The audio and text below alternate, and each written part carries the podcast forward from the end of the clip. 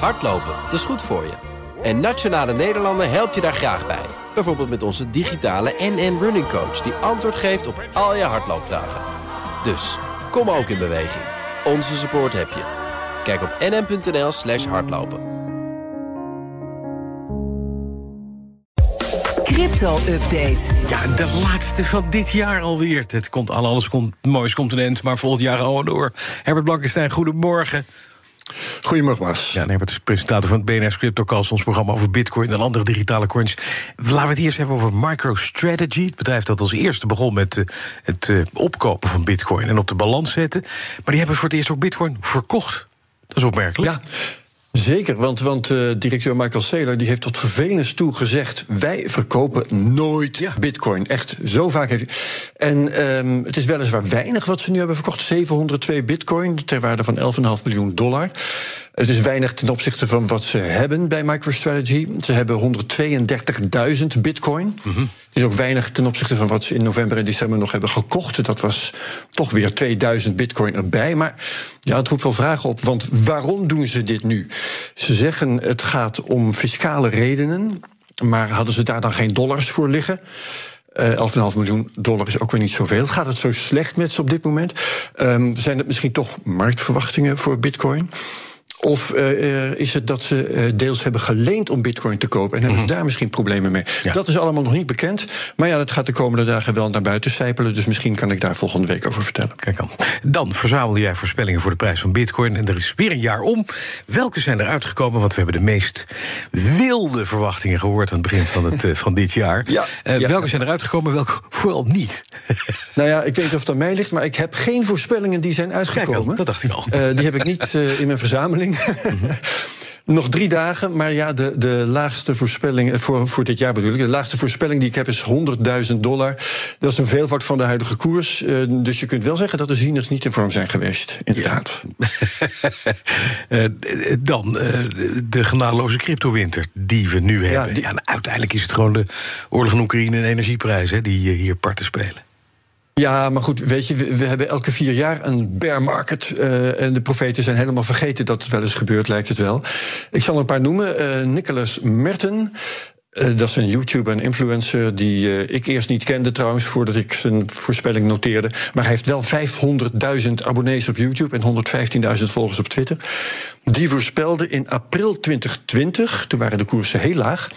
dat we om deze tijd de 100.000 gehaald zouden hebben. Ja, eerlijk gezegd verwachtte ik dat we die in 2021 al zouden halen. Maar goed, het is er niet gebeurd. Um, in dezelfde orde van grootte zit Tommy Lee, interessant geval van Fundstrat. Dat is een adviesbureau voor marktdata en strategie. Die voorspelde in 2019 voor nu 125.000 dollar. En grappig van Tommy Lee is, ik heb al sinds 2017, ik verzamel die uh, voorspellingen al vijf jaar. Ja. Ik heb al vijf eerdere voorspellingen van hem mogen afschieten. Hij leert het nooit. hij zit altijd veel te hoog. Ja. Uh, hij heeft zelfs in november nog een voorspelling uh, bevestigd die hij eerder had gedaan. Dat Bitcoin echt in de eerste helft van 2023 niet één ton, maar twee ton gaat halen. En dat wordt altijd weer keurig genoteerd door de cryptomedia. Dus onthoud de naam Tommy Lee van Fundstrat. Die hoef je niet serieus te nemen. Die zit er altijd naast en altijd veel te hoog. Maar er waren ook nog uh, figuren die echt veel meer voorspelden. Want dit waren de lage voorspellingen voor eind dit jaar. Ja, ja hoor, want uh, daar is bijvoorbeeld Mark Yusko, dat is een Amerikaanse investeerder en hedgefondsmanager. Doet ook heel vaak voorspellingen trouwens. Maar de meeste die uh, liggen nog verder in de toekomst. Voor een jaar geleden had hij de 100.000 uh, uh, al staan. En dat werd hem dus niet. Voor nu had hij in 2018 al 200.000 voorspeld. Ja, dan, nee, nee. nee um, uh, en bijzonder aan Jusco is dat hij zijn voorspellingen ook wel aanpast. Dat is wel leuk om uh, te noteren. In 2018 voorspelde hij 500.000 eind 2024. ja. En een jaar later, in 2019, voorspelde hij 400.000 in 2030. Dus toen was hij toch wat minder optimistisch ja. geworden. Um, in 2019 zag hij de bitcoin 250.000 halen in 2025. Maar in 2021 had hij die 250.000 uitgesteld naar 2026. Hmm. Dus je kunt van Jusko zeggen, hij roept maar wat. Maar wie weet is het ook wel, hij leert van het mislukken van zijn voorspellingen. Ja. Anders dan Tommy Lee. Ja, maar de, ja. En er was ook nog trouwens een, een partij die 200.000 had voorspeld voor nu. Dat was FS Insight, een marktanalysebureau. Uh, dat deden ze kort geleden, uh, in februari, toen je echt al wel kon zien dat we in een dalende markt zaten. Maar um, Evers Insight voorspelde toen inderdaad ook 200.000 in de tweede helft van dit jaar. En we zitten nu op nog geen 10% daarvan, tenzij we dus in drie dagen tijd maal 10 gaan. Wat niet helemaal de verwachting is. Um, nee, nee, er zijn ook mensen die voorspellen dat Bitcoin een totale hoax was en dat hij naar nul gaat. Jawel, die, die zijn er wel, maar die willen nooit zeggen wanneer. Dus die kan ik niet en voorspellingen nee, noteren. Die zeggen alleen, het gaat mis met bitcoin, dat is zeker. En als je dan vraagt, oh ja, wanneer dan?